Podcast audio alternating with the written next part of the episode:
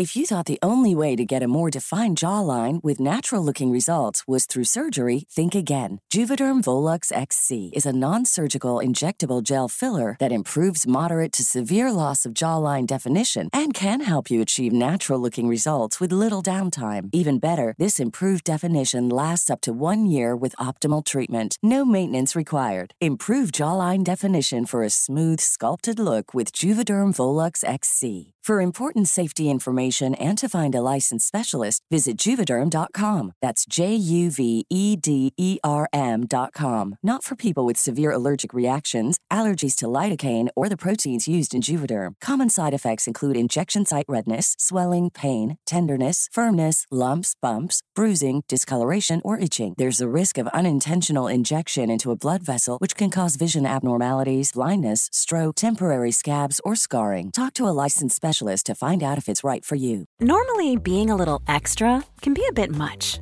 but when it comes to healthcare, it pays to be extra.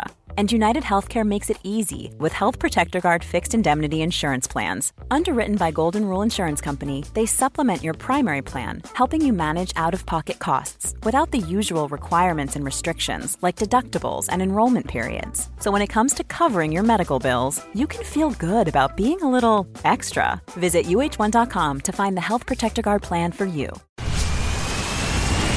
Where's that dust coming from? Still finding debris after vacuuming? Eufy X10 Pro Omni Robot Vacuum has 8,000 PA of powerful suction to remove debris deep in carpets. And it's totally hands free. Want to know more? Go to eufy.com. That's EUFY.com and discover X10 Pro Omni, the best in class all in one robot vacuum for only $799.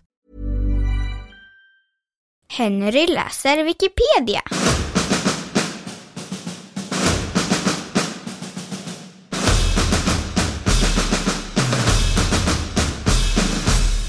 Mälarmördaren.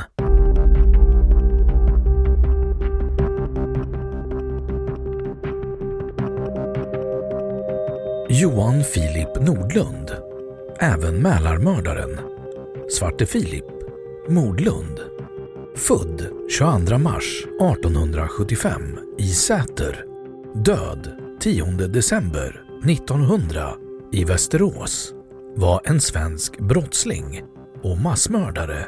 Och den näst sista personen som avrättades i Sverige.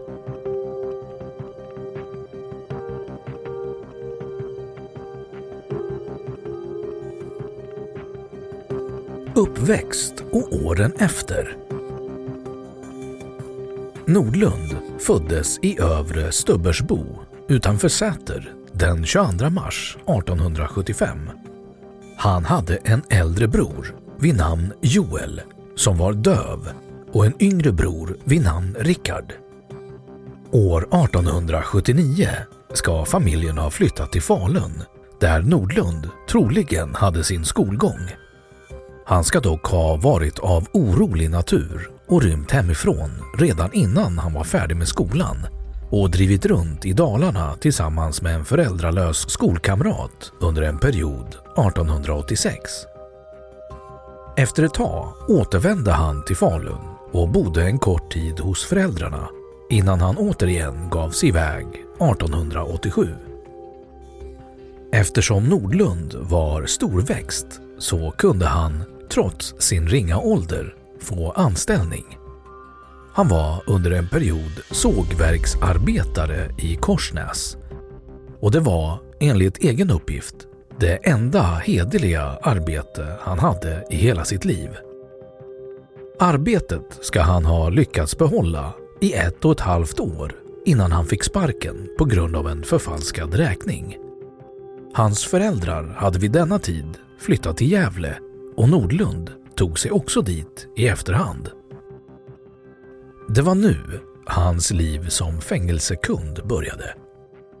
1891 dömdes Nordlund för första resan stöld till tre års fängelse som han avtjänade på länsfängelset i Malmö. Redan tidigare ska han ha fått avtjänat fyra månader för kreatursstöld av Ljusdals tingslag. 1895 dömdes han för diverse brott till tre års frihetsberövande och tre års förlust av medborgerligt förtroende. I början av 1896 fördes han till Långholmen där han skrevs in som strafffånge nummer två. På Långholmen satt Nordlund i drygt fyra år och enligt honom själv var det där som planerna för framtiden började ta form. Den sista fängelsedomen frigavs han ifrån den 20 april år 1900. Tre veckor efter sin frigivning ska han ha återvänt till Gävle med hjälp av sin yngre bror som bodde i Stockholm och hade ett mer ordnat liv. Efter försök att få någon form av arbete i hemstaden ska han ha bestämt sig för att i fortsättningen leva på rån och plundring.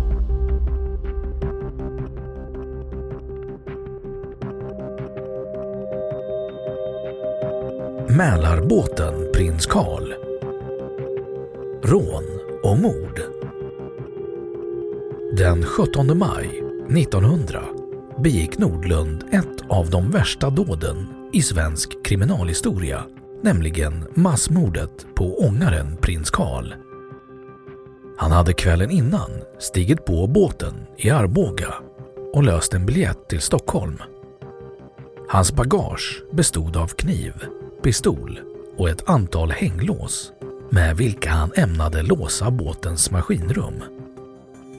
Enligt en plan som skildras i boken Mälarmördaren, historien om ett brott ifrån 1979, så hade han för avsikt att råna så många som möjligt på båten och få med sig skeppskassan varefter han skulle sätta eld på båten för att dölja sitt brott. Planen lyckades han emellertid inte genomföra, delvis på grund av att några på båten förmådde dra till sig uppmärksamhet från en annan Mälarbåt, Köping. Facit av hans handlingar blev ändå omfattande. Fem döda, åtta skadade och en sönderslagen båt. Bytet blev 845 kronor, stulna från kapten Rönngren. Han fick dock inte tag på skeppskassan.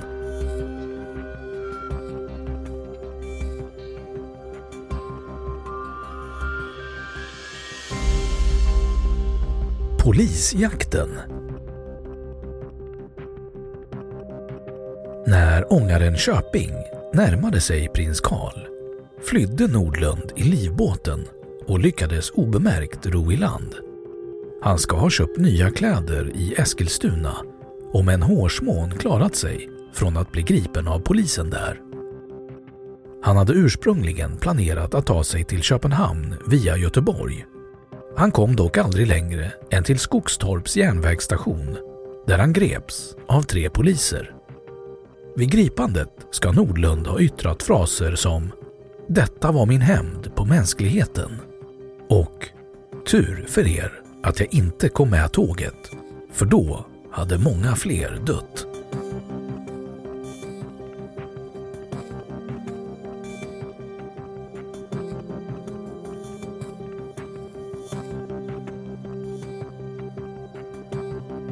Efterspelet Den 18 maj författade Nordlund ett brev när han satt i häktet i Eskilstuna. Han riktade det till sina två bröder och föräldrar där han deklarerade att det var han som utfört dådet som de läst om i tidningarna. I brevet skrev han att han hade behov av att lätta sitt hjärta för någon och att de inte skulle sörja att han med största sannolikhet skulle dömas till döden. Han avslutade brevet med att han välkomnade döden och ett slut på utanförskapet samt att han önskade sina bröder all välgång i livet. Han skriver också så här. Många är och de som för bödelns yxa fått låta sina liv. Många goda och ädla människor, sköna kvinnor Ja, till och med många drottningar och kungar har fått sluta sina liv så.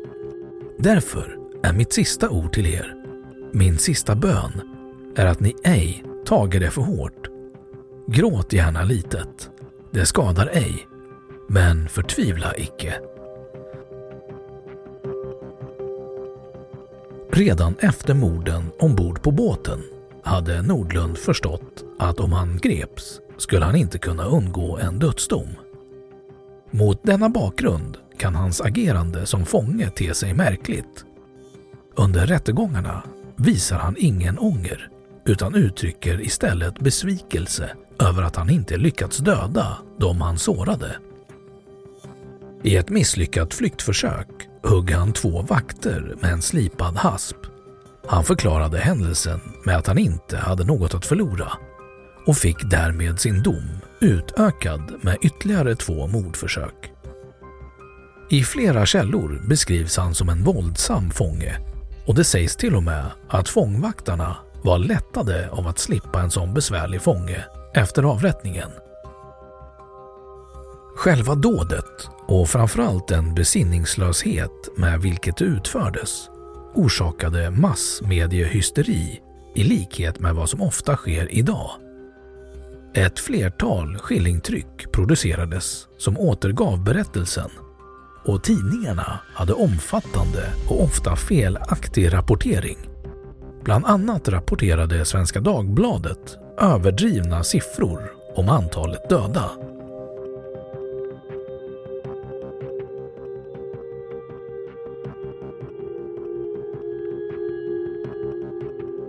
Avrättningen Nordlund hade möjligheten att ansöka om nåd, men utnyttjade aldrig denna.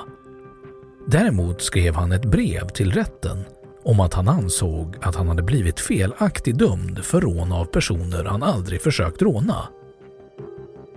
Högsta domstolen meddelade i sitt utslag den 13 november 1900 att detta var utan avseende och att hovrättens dom var lagligen grundad. I väntan på avrättningen ska han ha besökts flera gånger av både sin mor och pastor August Hylander som var fängelsepräst på Långholmen. Enligt Carl Linges biografi över missionären Carl Andersson i Vaxholm ska även denne besökt Nordlund i fängelset. Det sista brevet till sin familj skrev han den 5 december där han berättar att han sökt Herrens förlåtelse för sina synder. Därefter upphör kontakten med föräldrarna. Nordlund avrättades klockan 08.00 på morgonen den 10 december på Västerås länsfängelse genom handbila. Skarprättare var Anders Gustav Dahlman som utförde sin femte och näst sista avrättning. Enligt boken Mälarmördaren är Nordlunds sista ord Gud, vare mig syndare nådig och trygg i min Jesu armar. Då hans familj och efterlevande tog emot kroppen kom Nordlund till skillnad från många andra avrättade fångar begravas i vigd jord. Detta hade blivit lagligt först under 1860-talet och även efter detta var det ovanligt att så blev fallet. Det var dock inte hela kroppen som fick begravas utan Nordlunds kranium hamnade i Anatomiska institutet i Uppsalas samlingar och tillhör idag Gustavianum. Stockholms Dagblad skrev den 10 december om avrättningen. Så här stod det. Mångmördaren Nordlund avrättades strax efter klockan åtta i morse och fängelsets gård härstädes. Närvarande voro länsnotarien B. Händeberg, fängelsets direktör, predikant och läkare magistratens ombud rådman V. Ödman, professorerna J. A. Hammar och V. Hultkrantz samt före detta professor E. Claesson, Uppsala professor E. Holmgren, Stockholm tre medicine amanuenser, tre ombud för Västerås stadsfullmäktige samt representanter för stadens båda tidningar.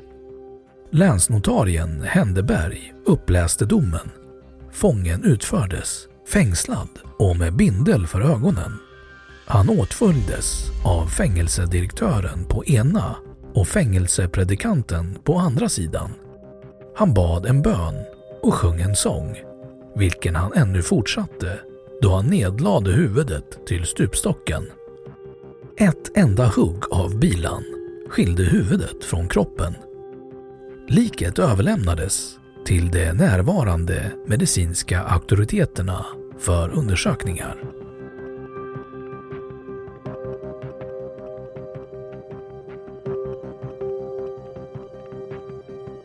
Debatt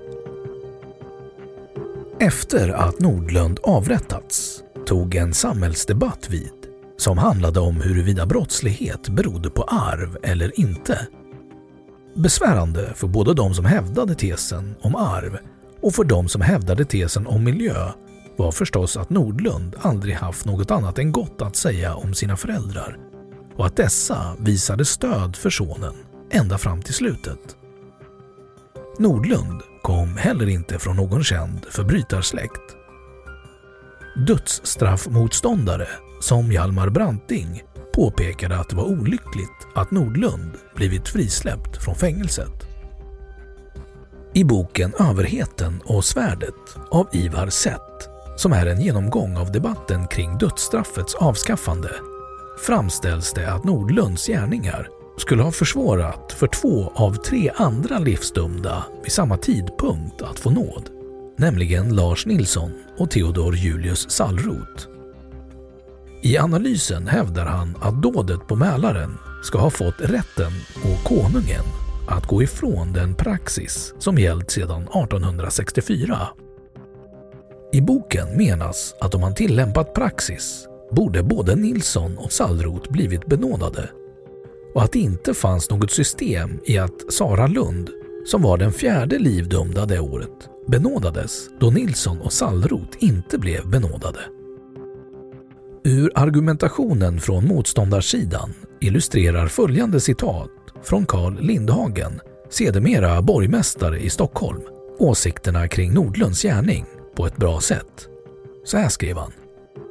Den gamla uppfattningen att dödsstraffet om och blott småningom bygger naturligtvis inte på den orimliga förutsättningen att någon särskilt svår förbrytelse inte vidare skall inträffa.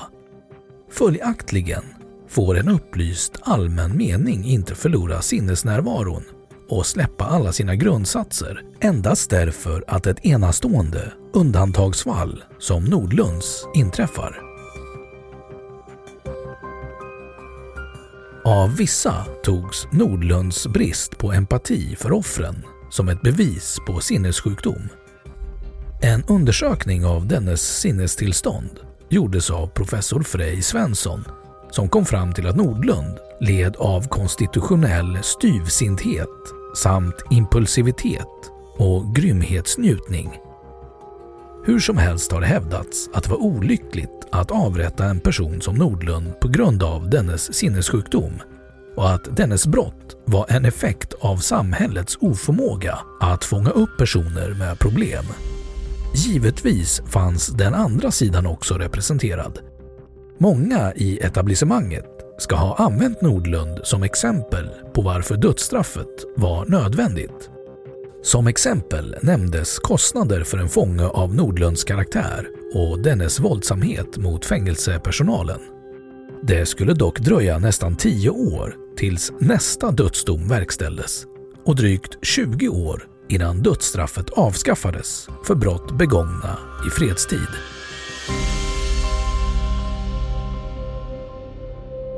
Då har Wikipedia sagt sitt om Mälarmördaren.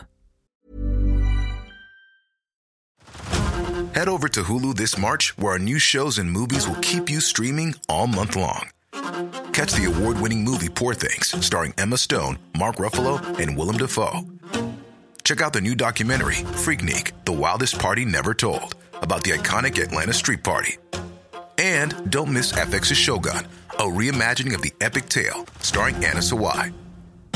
So, what are you waiting for? Go stream something new on Hulu. Where's that dust coming from? Still finding debris after vacuuming? Eufy X10 Pro Omni Robot Vacuum has 8,000 PA of powerful suction to remove debris deep in carpets. And it's totally hands free. Want to know more? Go to eufy.com. That's EUFY.com and discover X10 Pro Omni, the best in class all in one robot vacuum for only $799. Och nu, källhänvisning.